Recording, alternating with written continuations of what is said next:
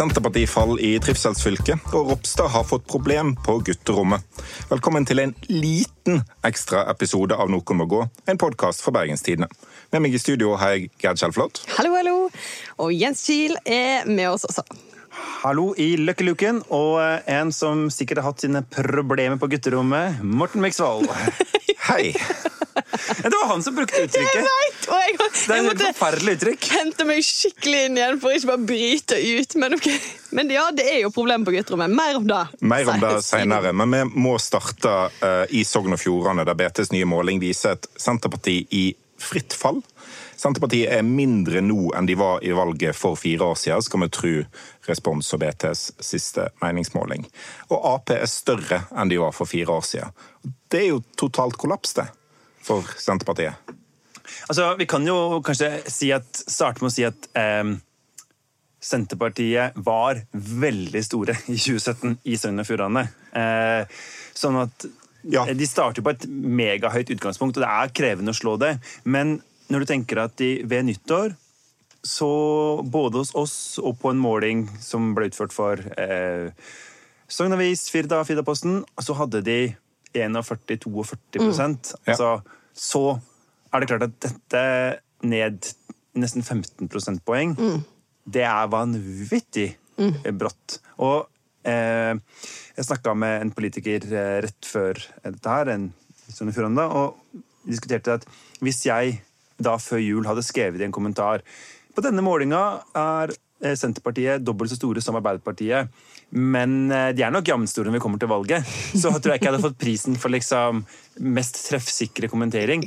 Men det er faktisk det som har skjedd, altså. Ja, for Nå er mandatfordelingen sånn at Arbeiderpartiet får ett mandat, Senterpartiet får ett mandat, og Høyre klarer å kare seg til ett mandat. Ja, Det får de jo fordi Senterpartiet går så mye tilbake. Fordi Høyre gjør et, eh, ligger an til å gjøre et drittvalg. i- De henter jo ingen av velgerne sine tilbake igjen. Nesten ingen av velgerne sine tilbake igjen, så de har mistet til Senterpartiet de siste ja, De går markert tilbake fra forrige valg. Men likevel klarer de å karakterisere seg ett mandat. Og kanskje får vi òg en situasjon der KrF eller Venstre og får ett mandat pga. utjevningsmandatordningen. Eh, Havner de partiene over sperregrensa, så har de gode sjanser på å få det siste. Og da kan en få Alfred Bjørlo med hva, 2,6 eh.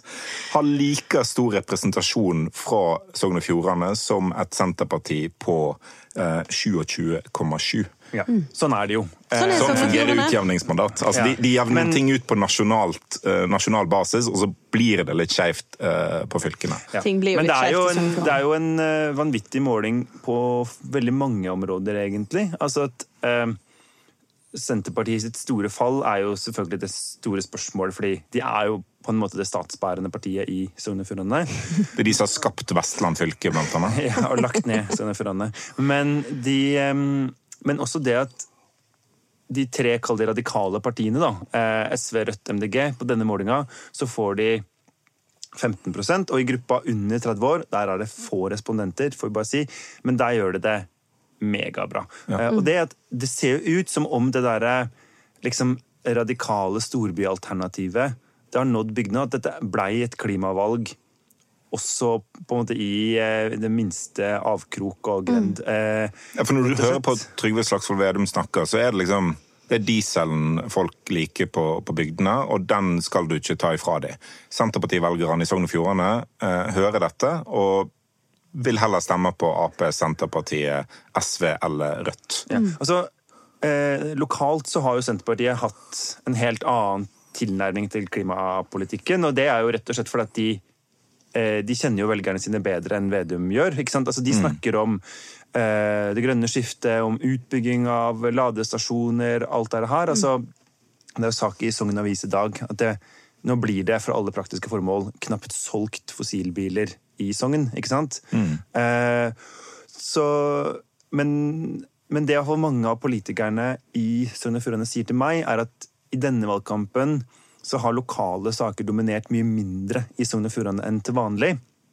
Sånn at eh, på en måte de, de klarer ikke å altså de, de nasjonale strømningene blir veldig tunge. Og at det er for eksempel det som kan forklare at sånn som Alfred Bjørlo, som er jo en tydelig distriktsprofil, gjør det så svakt at det at eh, Venstre nasjonalt eh, er et eh, storbyparti og kjører veldig hardt på en sånn urban Mm. linje, da blir det vanskelig for Alfred Bjørlo å bryte det. Og sånn blir det liksom at hvis Derfor er det Eh, veldig få i, i Nordfjord som sier de skal stemme Venstre. Men hvis det var lokalvalg nå, så hadde kanskje Bjørlo og Venstre gjort det mye, mye Jeg tror bedre. det er eh, sånn det henger sammen. Er dette fordi alle veiene i Sogn og Fjordane allerede er um, fiksa, sånn de har ingen lokalsaker å kjempe for lenger? Det er veldig mye dårlige veier i Sogn og Fjordane, men Men det er eh, mye bra vei òg.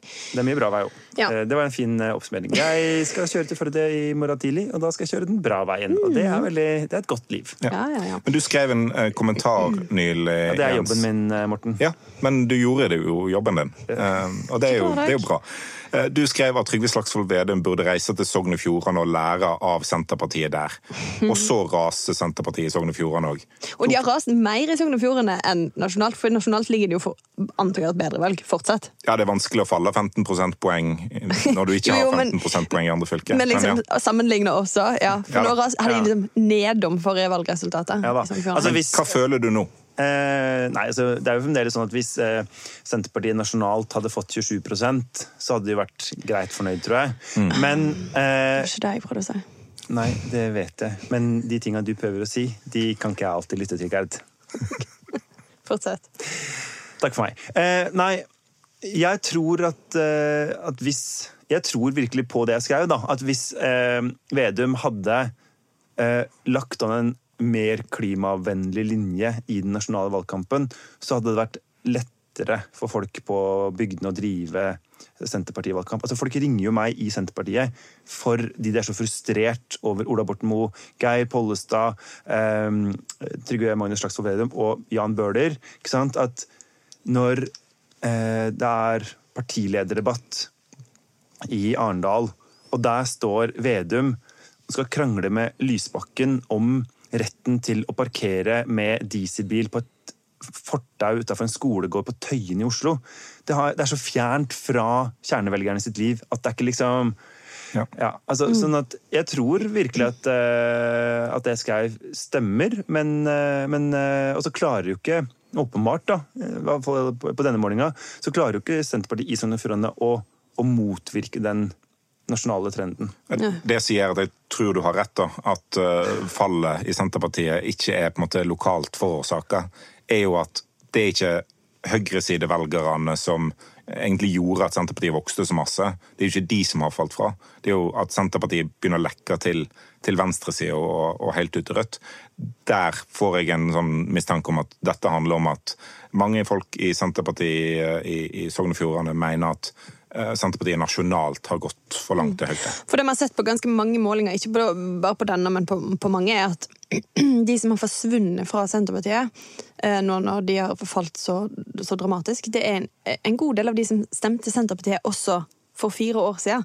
Og det er jo på en måte kjernevelgerne. Det er, de som, det er ikke de som kom til på veien. Eh, det er de som var der hele veien. Ja. For lojaliteten altså, ja, har, har falt eh, i løpet av de siste ukene og, og Ja. måneden. Så hører jeg, og det er jo anekdotisk på en måte, men, men jeg snakker jo altså, Nei, så er det på nytt. I Sogn og Fjordane så har jo Senterpartiet ofte gjort det bedre innover i fylket, altså østover, innover i fjordene. der. Sogn, ja. Mm. Ikke sant? Og inn i, i Sunnfjord og i Nordfjord. Og så har ofte bl.a. Høyre stått litt sterkere langs kysten, hvor det er mindre offentlige arbeidsplasser, mer fiskeri, verft, offshore osv. Eh, Og så har Arbeiderpartiet gjort det veldig bra i industrikommunene og sånn Leikanger, eksempel, med sånn offentlige arbeidsplasser og en del sånt noe. Eh, og så tror jeg at nå på de høyeste målingene så må jo Senterpartiet ha gjort det grisebra også på kysten. Altså hvis du har, hvis du begynner å snuse på liksom 42 i et fylke, så gjør du, det er det største partiet absolutt overalt. da. Eh, og da Ja, og da hadde Høyre 13 sant? Så det er jo... og da uh, uh, hvert fall Det en del sier til meg, er at særlig Arbeiderpartiet har kjørt knallhardt på EØS i Sogn og Fjordane. Og at det en del folk der som plutselig sier Oi, men skal faktisk Senterpartiet avslutte avtalen? Og, og litt sånn, den der litt sånn lettvinte retorikken som bl.a. Geir Pollestad, som er leder for næringskomiteen på Stortinget for Senterpartiet, har hatt under Politisk kvarter og sånt noe, at det er litt sånn dette er faktisk alvor for oss, da. Og det må jeg jo Altså, jeg er jo personlig Skulle jo ønske at vi kunne hatt en, en, en mildere, mindre omfattende handelsavtale enn EØS, men eh, Hva skal jeg si Jeg må jo bare forholde meg til det som folk der sier, da. Og det kan jo tyde på at, at eh, en sånn type sak har vært Da skulle bra. man ikke tro da at EØS Det er en vinnersak Ja. i Sogn og Fjordane. Nei, det Men Sogn og Fjordane er jo annerledes fylke her. Ja. Men um, eh, når du forteller da at folk eh, i partiet ringer deg og har deg som sjelsørger, uvisst hva de tror de skal få ut av det, men ok, eh, så er det jo litt spennende å tenke på altså, Spennende å tenke, litt trist, jeg vet ikke, hvordan de har det i dette partiet nå. Altså, det må være Det må være ganske brutalt. Ja, men hvis du tenker da at du har gått gjort hele denne jobben og virkelig tenkt at det, altså det bygdene trenger nå, det er at det skjer noe ordentlig i distriktspolitikken. Og nå skal Senterpartiet lykkes med dette, og vi skal få den store endringa. Og så bare kollapser det på slutten. Rett før valget. Eh, for jeg tror, altså, en ting er jo at selvfølgelig, Det er jo en sorg for de som er i partiet, men eh, eh, Men det er jo også selvfølgelig en sånn en uvisse Hva vil dette bety? Altså, får vi, får vi en sånn type kraftfull endring i distriktspolitikken? Hva skjer på det feltet, da? Ja, For Du skrev en kommentar om det, Gerd, for du òg har gjort jobben din. Eh, og, og. Hva med deg, Morten? Ja, det, det snakker vi om senere. Eh, Men, men, eh, men du skrev jo at, at bygdene fikk liksom ikke den valgkampen de, de hadde sett for seg. Ja. eh, Og at hele bygdebrølet liksom fisla ut. Og nå vil jeg bare understreke at det, liksom, Poenget mitt var ikke at eh, det var så viktig at Senterpartiet skulle bli så himla store, men de fikk nå i hvert fall eh, brakt hele dette distriktsopprøret inn i politikken. De klarte å gjøre politikk ut av det. Og da eh, tror jeg jo jeg er lurt, da. Det, jeg tror det er veldig viktig å løfte distriktspolitikk som tema. Um, Så tror jo jeg at, at eh, Senterpartiets vekst gjorde at eh, måte, alle de andre partiene prøvde å være Senterpartiet. Ja. Det var liksom, det var brunost og strikka gensere og sånt som, som var gjeldende i Norge en god stund. Ja, ja. Eh, For alle skulle på en måte være fra bygda. Det er jo kanskje det som gjør at Høyre nå faller litt, fordi de har forsøkt å være litt for masse bygd og glemt at det bor en god del Høyre-velgere i byene. De har vel ikke lykkes noen av stedene, egentlig? Nei, Nei. Altså, sånn, det er jo ikke sånn at denne målinga er noe jubel eh, Altså fem prosentpoeng tilbake fra et allerede lavt resultat i Sogn og Fjordane. Ja. Og når vi, når vi er inne på Høyre, altså Nordland-målingen til VG mandag, der hva Frp var større enn eh, enn Høyre. Det er to havarirapporter jeg gleder meg til å lese etter dette valget. og Det er Senterpartiet sin, og det er Høyre sin. Hva gikk galt? Ja, da ja, kan jeg ta Frp sin. Ja, fint. Ja, men de er jo litt på vei opp, du, nå, du. Ja. men, eh, men det, det går jo ikke veldig bra, selv om de er på, på vei opp. Mm. Men det er mye, vi har mye å glede oss til i målinger, da, bare for å si det helt på slutten. Det, nå, de siste målingene som kommer mot slutten av denne uka, hva som kommer høyere. Høyre og ja. Men det er jo klart at jeg, altså, jeg tenker jo også at det er noe fint her i kanskje det at um, Hvis det nå blir en ny regjering, som jo alt, absolutt alt tyder på, så får jo den regjeringa også et slags mandat fra velgerne. eller det, Man sitter med en følelse av hva var det som gjorde at vi vant, eller hva var det som gjorde at vi tapte.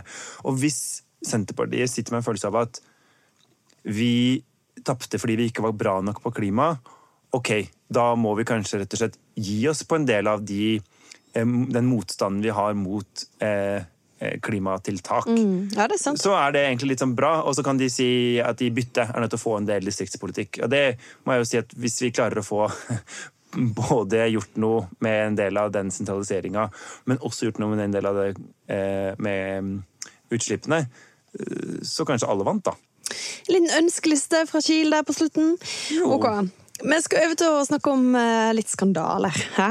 Litt Syns du ikke det var skandale med målinga? Eh, nei, altså, ikke skandale. Nei. Nei. Um, litt ekte skandale. Hør på dette.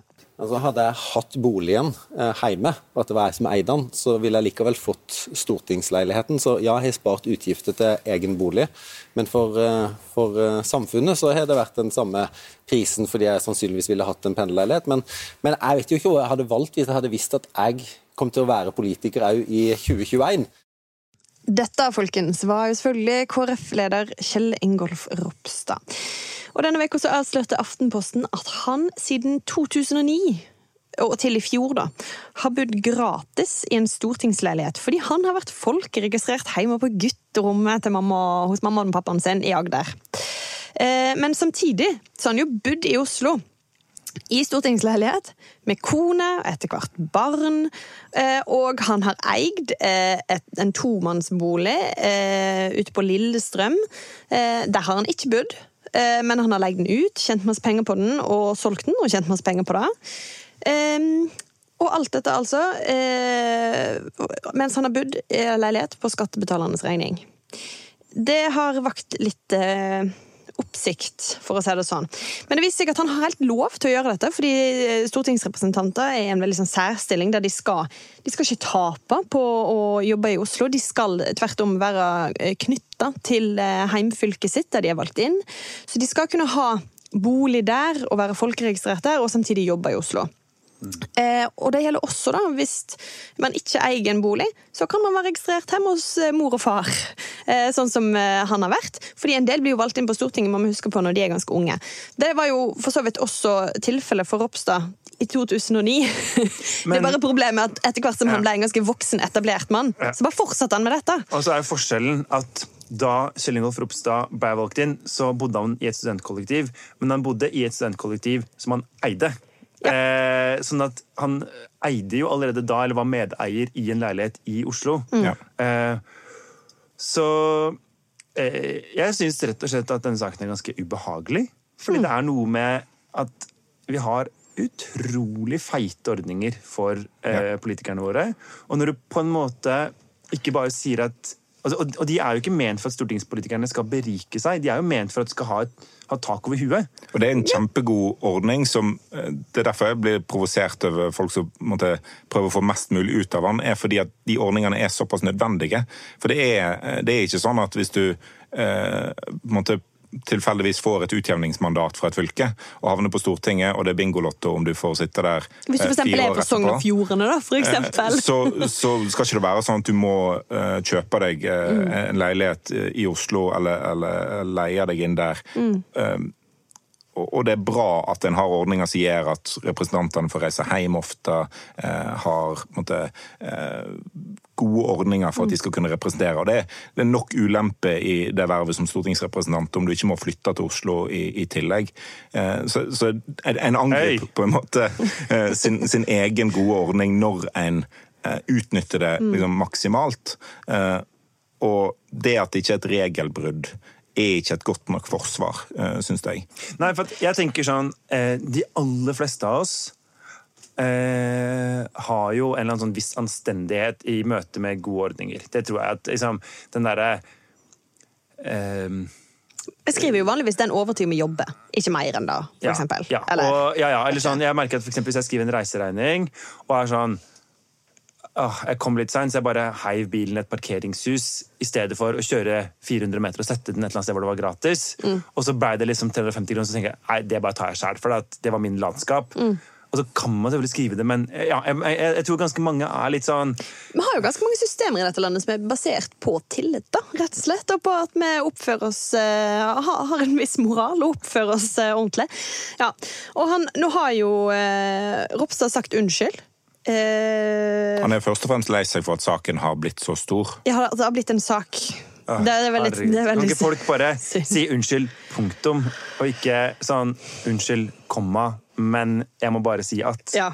Ja, ja, altså, for det er litt sånn som med eh, Sylvi Listhaug og den der forferdelige hijab-saken med hun 15-åringen på stand som møtte Christian Tybing-Gjedde. Ja. Og han ville betale henne for å ta av hijaben. 1000 kroner for å se det vakre håret ditt. Ja. Og så klarer ikke Sylvi Listhaug å bare si unnskyld, men hun må si sånn eh, Dette er ikke greit. Men det må da være lov å diskutere hijab i dette landet? Altså, sånn, ja, men det var ikke det. Det var, det var bare en mindreårig som fikk forespørsel om å ta imot 1000 kroner for å kle av, kle av seg litt. For at han skal se det vakre håret hennes. Altså... Men dette er jo, dette jo Sylvi Listhaugs måte å beklage på. Altså Hun må ha fire-fem forsøk for å komme i nærheten av noe som kan ligne på en ja. beklagelse, og det er ganske beklagelig. Okay, men vi skal, ikke, vi skal, ikke, gå helt inn i Sylvi Listhaug uansett, da. Men, men, ja, spørsmålet er hvor mye skader dette her Ropstad og KrF? For en ting er at Nå syns man at han er litt snikte. For, det er, altså etterlatt inntrykk her er han kunne, han kunne jo kanskje ha vært litt dum, eller at han ikke helt skjønte dette, men da har han jo aldri påstått. på en måte. Han, Nei, han, har, jo, han, har, han har jo tatt kontakt med Stortinget Ja, ja. for å sjekke om det han gjør er i orden, så han Ja. vet jo at han på en måte var litt sånn Innenfor regelverket, men tøyer det litt. Ja, nå, liksom, nå makser jeg ordninga her. Ja. Jeg tenker at altså, Den første målinga TV 2 i går kveld viste jo ikke noen tilbakegang eh, for eh, KrF. Eh, men det er klart Det er kanskje litt tidlig, og det er kanskje eh, Jeg tror at denne saken Altså, kanskje får det ikke noe å si, men det er jo De er så på hengende Ja, håret på det- greiene nå. Og, og også sånn som Det er én side til ved det. Så jeg kan ta det òg. Ja. Og det, er, ja, det, det har jeg tenkt mye på. Det mye At, at eh, Ropstad er jo da førstekandidat i både Aust-Agder og Vest-Agder, Ja.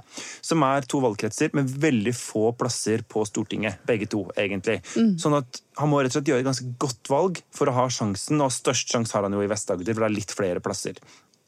Så det betyr at hvis Ropstad bare synker bitte litt, så ramler han ut av Stortinget.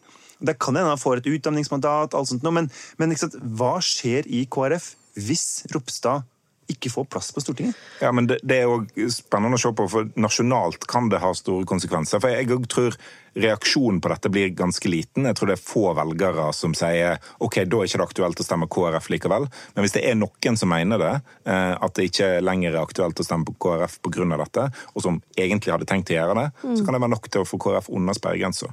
Poll of Polls hadde en gjennomgang av fylkesmålingene på mandag. Eh, Da fant de at KrF lå på 3,98 eh, prosent.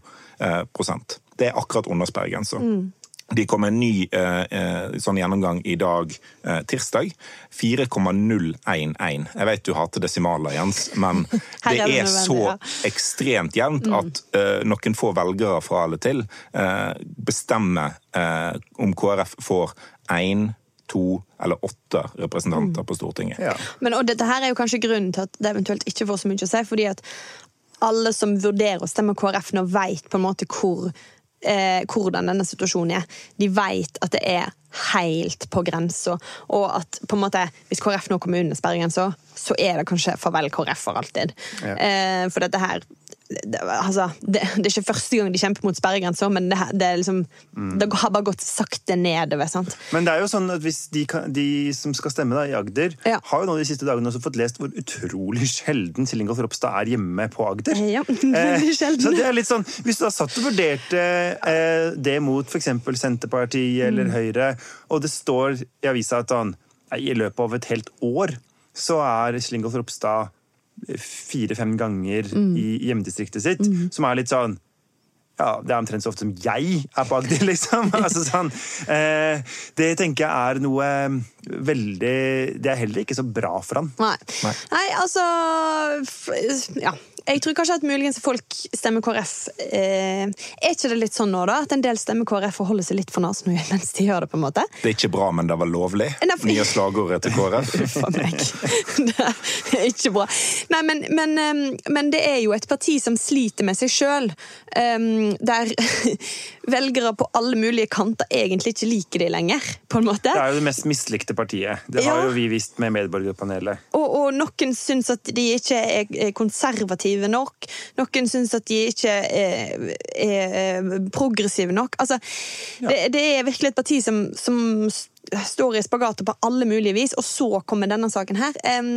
Så ja, eh, det er mulig at folk på en måte allerede hadde så store kvaler, men likevel har bestemt seg for å stemme KrF for å redde de fra sperregrensen. at det kommer til å skje. Men spørsmålet er jo hva som skjer med Ropstad etter valget. For det er som du ser, han sitter jo allerede ganske eh, utsatt til. Ja. Fordi altså, vi har flere målinger som viser at han ikke kommer inn eh, fra Agder. Og det er en uskreven regel i Norge om at skal du være partileder for et Så stortingsparti, så må du sitte på Stortinget. Ja. Ja. Nei, altså, det som folk sier til meg, er jo at han er veldig populær i partiet. Altså på begge, Den såkalte røde og den såkalte blå fløya. Og folk liker Kjell Ingolf Ropstad veldig godt. Er han populær i den gule fløya?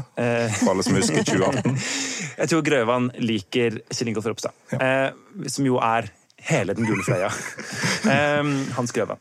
Men eh, nei, jeg tror at det er eh, ikke sant? Han blir sett på som kunnskapsrik, samlende, eh, alt sånt noe. Og ja. Så det er klart at han har jo litt å gå på internt. Men hvis, hvis han ramler ut av Stortinget på valgkvelden mandag, så kan det hende at vi våkner opp tirsdag, og at Olaug Bollestad nok en gang er fungerende partileder i KrF. Kanskje man skal bli partileder. Men, okay, men jeg må, vi må bare liksom snakke litt, bitte litt mer. Um, fordi at um, En som er ekspert på politiske skandaler, nemlig Kim Arne Hamstad, han har nettopp skrevet at det er ganske skremmende at flere politiske skandaler nå de handler om penger. Um, for vi har jo dette, men så har vi jo også um, andre som har vært i hardt vær for å ha hatt stortingsleilighet og, og eid andre ting samtidig. Vi har uh, Keshvari og, og Hege Hauke, Haukeland Liadal som har levert fiktive reiseregninger. Uh, vi har etterlønnsordningene, som jo først og fremst tidligere fiskeriminister Geir Inge Sivertsen Jeg glemmer alltid litt hva han heter. Um, Husker du hva den nåværende heter? ikke gå inn på dette igjen. Og det med Ingebrigtsen. Boom. Eh, Eh, sant? Eh, jeg hadde, fikk etterlønn fordi som, som ordfører samtidig som han var statsråd. Det er mange ting der det på en måte virker som om politikerne prøver å raske til seg litt ekstra. Hva gjør alt dette for, eh, for tilliten til politikerne? Det skriver vel han Hammerstad i den, Ja. den teksten, at altså, tilliten har gått ned. Ja. Eh, og, og det er egentlig ikke så rart at tilliten har gått ned. Eh, og, og det er noe politikerne bør være eh, observant på. Det er ikke en naturlov som sier at i Norge er det høy tillit mellom folk og politikere. Vi har sett hvor bra det har vært under korona at den tilliten finnes. Men ingen naturlov at det kommer til å være sånn om 10-15-20 år. Mm. Så der må politikerne ta ansvar for mer enn eh, på en måte bare folkeregistreringen og, og utgiftsføringen. Altså. De har et ansvar for den tilliten. Ja, og det er jo si, uttrykket uh, tilliten mellom folk og eh, politikere. Det er egentlig ikke et mm, sånn me mellomforhold her. fordi det er ikke sånn at eh, vi som er folk da, i Norge, eh, er avhengig av at politikerne har tillit til oss. Eller det er vi egentlig, men, men, men vi, det skal vi bare kunne kreve. Ja. Men politikerne kan ikke kreve tilliten tilbake den andre veien. De er rett og slett nødt til å gjøre seg eh, fortjent til den. Og jeg tenker jo at veldig mye altså Nå kommer det litt spørsmål om hvorfor avslører Aftenposten denne saken nå. Så sånn, vel, eh, det har jo blitt avslørt sånne saker gjennom hele denne fireårsperioden. I bøtter og spann. Ja. Uh, og det kan godt hende det er mer der ute å ta tak i, og hva vet jeg. ikke sant? Men det jeg ikke skjønner, er hvorfor, når alle disse sakene har kommet, da, går ikke alle litt i seg sjøl? Fordi hvis jeg hadde sittet der og tøyd reglene litt, så tror jeg jeg hadde bare solgt unna og kommet meg vekk og rydda opp i det nå, liksom.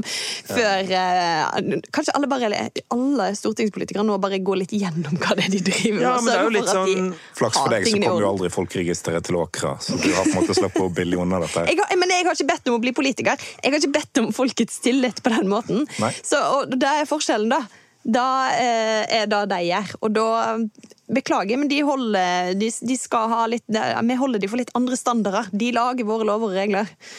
Og ja, eller egentlig så vil jeg si vi holder ikke for noen annen standard. Altså, eh, hvis vi kan kreve det samme av stortingspolitikerne som av eksempel folk som mottar ytelser fra Nav, eller folk som skal levere inn eksamenspapirene sine, eller folk som har en vanlig jobb Hvis vi bare holder de til akkurat den samme standarden Mm. sånn, Så er lovene og reglene litt annerledes, for det, det er bra at stortingsrepresentantene har noen fordeler som gjør at de kan bo hjemme. og, Ja, ja, og sånn. Men når de bryter reglene, og når de utnytter de, så må en på en måte behandle det eh, litt Ja. hardere enn Og jeg må bare si jeg syns de ordningene skulle vært stramma inn. Så der er det litt strekk i laget i denne gruppa. Men eh, jeg syns at det at partiene kan bevilge eh, penger til sine egne partigrupper rett over statsbudsjettet i stortingsforhandlinger, og at de ordningene her er så rause som de er, og så mm, altfor tillitsbaserte, egentlig. Det liker jeg dårlig. Altså, ikke sant? Og det gjelder f.eks. sånn som nå, den saken med det her eh, Aksjon borgerlig valgseier.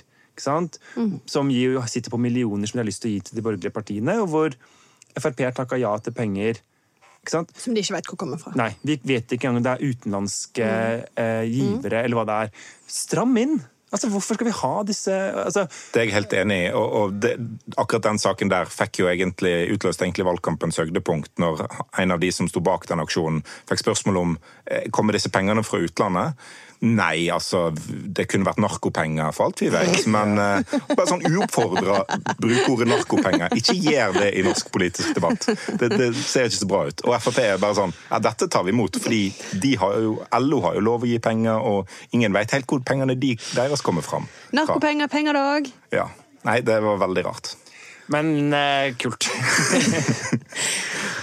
ja, bortsett fra å få tilliten til det politiske systemet, som ja. mm. vi er ja, uroa for. Ja. ja. Det blir ikke noe Å Vestland denne gangen. Det sparer vi til livepodikken vår på fredag.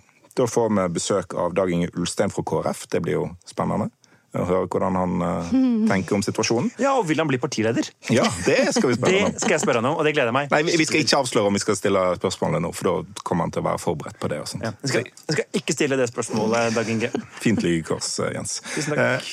Eh, en annen gjest som kommer, er Sara Bell fra SV. De mm. opplever jo en ganske bra tid på målingene nå. Det vil jo være første gang siden 2001 at SV har en reell sjanse for å få inn to på Stortinget. Eller nå ligger For Hordaland. Ja. ja. Ja, det er ikke nasjonalt. mm. Vi kommer òg eh, til å vise oss på bt.no i løpet av mandagen. Da skal vi eh... Du mener valgdagen? Ja, valgdagen. Jeg vil si at det er først og fremst valgdag, dernest ja. mandag. Da skal vi oppsummere eh, valgkampen, og så blir det valgsending på kvelden. Da er det selveste Ingvild Nave og Jens Kiel som er programledere. Gerd skal være utenlandskorrespondent. Hun blir sendt på fly til Oslo, eh, mens jeg skal se tallene strømme inn her i Bergen. Ja. Wow. Så det blir gøy. Ja, nei, altså jeg jeg har begynt å sove dårlig nå, fordi jeg bare syns det er så spennende. jeg så Gerd sitte i litt fosterstilling borti kommentatorhjørnet ja. tidligere, så alt går bra. Ja, ja, ja nei, altså, det, det, det, det, det, har jo ikke noe med meg å gjøre på den måten. Jeg bare syns at valg er så forferdelig spennende. Og jeg har begynt, kan jeg også si, eh, at hvis jeg passerer den derre eh, stemmeboden på Torgallmenningen ja. Eh, så blir jeg sånn, sånn eh, sipperørt av å se folk i kø for å avgi stemme i valg. ja, og Forhåndsstemmingen er jo helt vill. Altså, I går forhåndsstemte 100 000 personer i Norge. Og en har i løpet av dagen i dag, tirsdag, passert total antall forhåndsstemmer fra uh, fra 2017. Så det blir For en valgkveld det skal bli, folkens! Gøy å følge med på. Ah. Før vi avslutter, er det noen som må gå uh, i denne lille ekstraepisoden? Altså Alexander Øren Heen, andrekandidaten til Senterpartiet i Sogn og Fjordane, yep. uh, ligger jo an til å måtte gå, da. Han kan gå bort til kontoret til Trygve Slagsvold Vedum og kjefte, ja. Men eventuelt gå ut på standup, bare gi, gi jernet på et eller annet vis. Ja. Innspill og tilbakemeldinger og ting du lurer på før uh, valgdagen, kan du sende til NMGs Og narkopenger! Du får ikke narkopenger på nmg.bt.no eller i Facebook-gruppa Noen Send noe bra narkokrypto, folkens. Chipcoin. Intromusikk det var 'Bergensere' av Bjørn Torske. Produsent er Arve Stigen. Du finner podden i BT-appen eller hvor enn du laster ned podkaster fra verdensveven. Snakkes på valgdagen, folkens. Og på livepod fredag. Og godt valg!